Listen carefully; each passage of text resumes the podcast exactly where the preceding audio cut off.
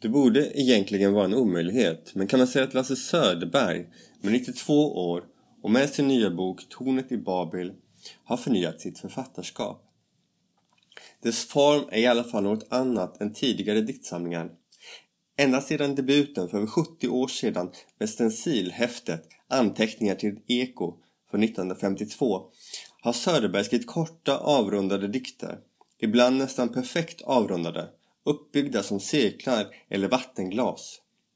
Med tornet i Babel vågar sig poeten ut på nytt poetiskt territorium, nämligen långdikten. Det är den sjunde diktsamlingen Söderberg ger ut på det lilla Lundaförlaget Edition Tegnér som för en rätt så undanskymd tillvaro i den svenska offentligheten. Omslagen är sobra, behagliga att titta på men sticker knappast ut. Den som letar efter böckerna på förlagets hemsida eller i nätbokhandlarna får söka förgäves. Titlarna köper man genom att mejla direkt till förläggaren. Det är synd eftersom Edition Teners utgivning förtjänar en större publik. Men det är alltså här den åldrande Lasse Söderberg har hittat sitt nya hem efter många år på Wahlström och Widstrand och därefter på Ellerströms förlag. Utgångspunkten för tornet i Babel är en resa till poesifestivalen i Babylon, närmare bestämt till staden Al-Hila i den irakiska provinsen Babil. Söderberg och hans hustru, poeten och översättaren Angela Garcia, bjöds in för att delta i en poesifestival 2012. Citat. En inbjudan till en stad som inte finns kunde vi givetvis inte motstå, som Söderberg skriver i sitt efterord. De är en liten skara poeter från icke-arabiska länder som anländer till staden och logeras in på ett av Saddam Husseins gamla palats alldeles i närheten av Babylons ruiner. Poetens sovrum ligger rakt under diktatorns, inpyrt av samma krypande fara, ingrodda rädsla och onydiga prål. Citat, och samma skithål i golvet. Slutcitat. Under en av dagarna reser de till de arkeologiska fynden vid Borsippa där ruinerna av en sikurat, ett trappstegstempel, fortfarande står. De reser alltså inte till Babels torn, vars existens är omtvistat, utan tornet i Babil, som troligen byggdes av den sumeriska kungen Hammurabi till vishetens, författarnas och skriftspråkets gud Nabu. Men i poetens framställning går inte de båda, det kvarlevande ruintornet och det bibliska, att separera. De flyter in i varandra så som myt flyter in i verklighet. Dikten börjar i återkallandet av minnesbilder från denna resa. Citat. Det enda jag minns när jag sluter ögonen är ett dystert ödeland. Det låg framför oss, jämngrått som plåt och liksom uthamrat mellan de två floderna. Vi rör oss på mytomspunnen och historiskt belastad mark tvåflodslandet, civilisationens vagga, skriftspråkets ursprung, bland stenar som sett mäktiga imperier breda ut sig och försvinna. I poetens minne ligger landskapet öde, nästan bortglömt, marken är obrukbar. Citat, inpyrd med månsken. Slutcitat. Utan skönhet, harmoni eller renhet. Enformigt som om historiens aska lagt sig lager på lager genom århundradena. Och detta landskap, frågar sig poeten, citat, förväntades jag likväl att läsa. Hade jag ännu ögon vaksamma nog för att uppfatta de dolda budskapen. Slutcitat. Vad är det för dolda budskap i landskapet? Fallna civilisationer, brutala ockupationer, maktens envälde och övermod. Medan dikten rör sig mot resmålets torn återkallas det svårtydbara förgångna. Landskapets tecken tolkas, men mest av allt finner poeten frånvaro, glömska. Citat. Hade jag ögon hänryckta nog för att avläsa all denna glömska. Slutcitat. Bara några bensinpumpar och sysslolösa män kantar vägen mot Borsippa. Det noteras att den amerikanska armén använde Babylons ruiner som helikopterbas under Irakkriget.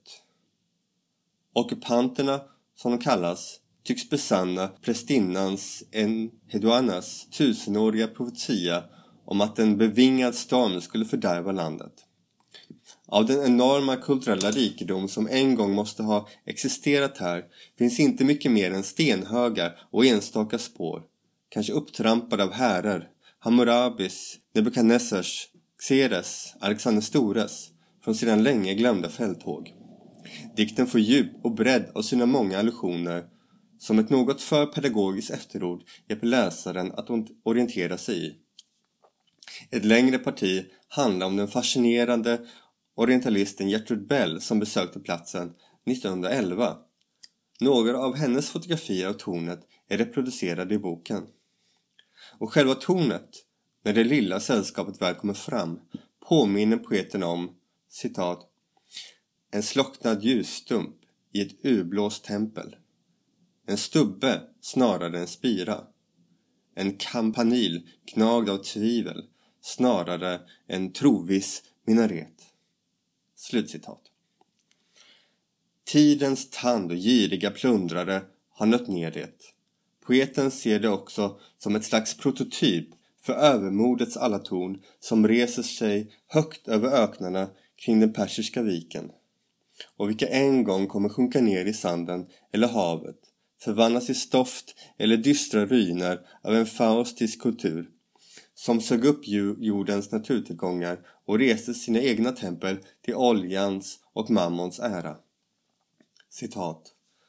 Dessa allt högre, allt mer konstlade, allt oskönare, allt mer snedvridna aspiranter till förödelse, järtecken alla. Slutcitat. Civilisationskritiken slår ned som snabba blixtar i den 34 sidor långa dikten. Lasse Söderberg må ha övergivit den surrealism som kännetecknade hans tidiga författarskap. Trots det kan man nog säga att dess etos fortfarande bildar stommen. Under diktens gång avtecknar sig ett annat syfte än den blotta reseskildringens, ett metapoetiskt. Diktens första uppgift är att besjunga, skriver Söderberg. Dess andra är bönen. Och den bönen riktar sig inte så mycket till den osynlige, han som ville, citat, skapa förvirring i deras språk så att den ena inte förstår vad den andra säger, slutcitat, som det heter i Första Moseboken, utan till Nabu, poeternas skyddshelgon, som gjorde tungomålet till tecken och gav historien ett minne. Poeten liksom historieskrivaren håller fast vid det som är förlorat eller håller på att gå förlorat. I slutändan är det dikten som överlever både det flyktiga livet och det tusenåriga templet. På utflykt med sina kollegor besjunger poeten både det levande värvet som skriftspråkets födelse mellan de två floderna. Citat. Säg, vem var den första av oss han som drog ett streck i den fuktiga leran. Som när en fånge ristar in dagarnas antal i tidens fängelsemur och sen förklara innebörden för alla som försöker förstå. Ju äldre Lasse Söderberg blivit desto mer har han tagit på sig uppgiften att fasthålla de erfarenheter, det liv som kommer försvinna med honom själv. I förra diktsamlingen Mina jämnåriga som publicerades 2022 viger han nästan 30 porträtt åt döda kollegor, alla födda 1931. Däribland Thomas Tranströmer, Göran Prins Paulsson och Klaus Risberg. I korta lättfotade tvåradingar, den form Söderberg odlat i sitt sena författarskap, får vi en glimt av dessa kollegors liv och väsen. Vissa var Söderbergs nära vänner andra blott flyktiga bekantskaper. De enskilda dikterna kommer nog inte räknas som några höjdpunkter i Söderbergs långa författarskap men tillsammans bildar de en något melankolisk helhet och en hyllning till de flyktiga tillfälligheternas storhet.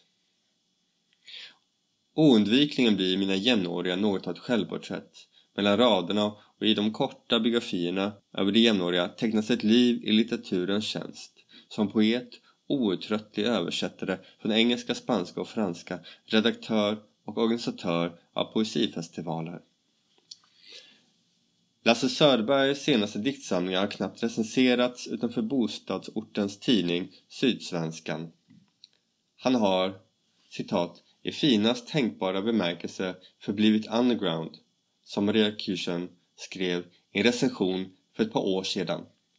Möjligen tillhör han den lilla kategori svenska författare som är mer lästa utanför än i sitt hemland.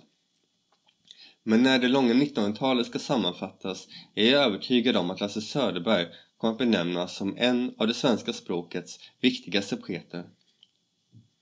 Sin storhet bevisade han inte minst till Fadern från 2021, en djupt berörande uppgörelse, eller om det är försoning, med den frånvarande och auktoritära fadern som symbol och högst konkret människa.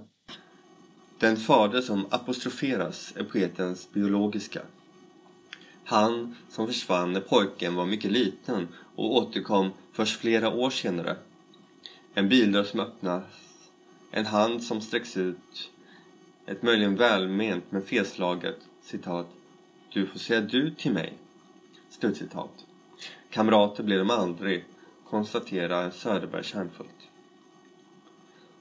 Faderlöshetens genealogi skrivs fram, den erfarenhet som varit så utmärkande, inte minst för hans egen generation, framhåller Söderberg i sitt efterord. Genom att tala om det djupt personliga i fadern ges ett allmänt språk och form för denna erfarenhet. Citat. Han var sin faders son, fick han höra. Men i vilken mening? En yttre eller inre? Han hade ingenting att jämföra med. Fadern var en spegel, vänd mot väggen. Slutcitat. En spegel vänd mot väggen. Helt har surrealismens bildspråk inte försvunnit från Söderbergs poesi. Söderberg skrev utan hårdhet, utan vilja till revansch, trots att skäl inte saknas. Istället präglas dikterna av ett försök att förstå, både fadern och sig själv. Någonting som är enklare sagt än gjort. Citat. Han sökte fadern inom sig och fann bara aska. Slutcitat. Lasse Söderbergs sena stil är lätt, tankarna klara och inte utan djup. Det är som en sjö i ett gammalt kalkstensbrott. Obeskrivligt härligt att kliva ned i en sensommardag.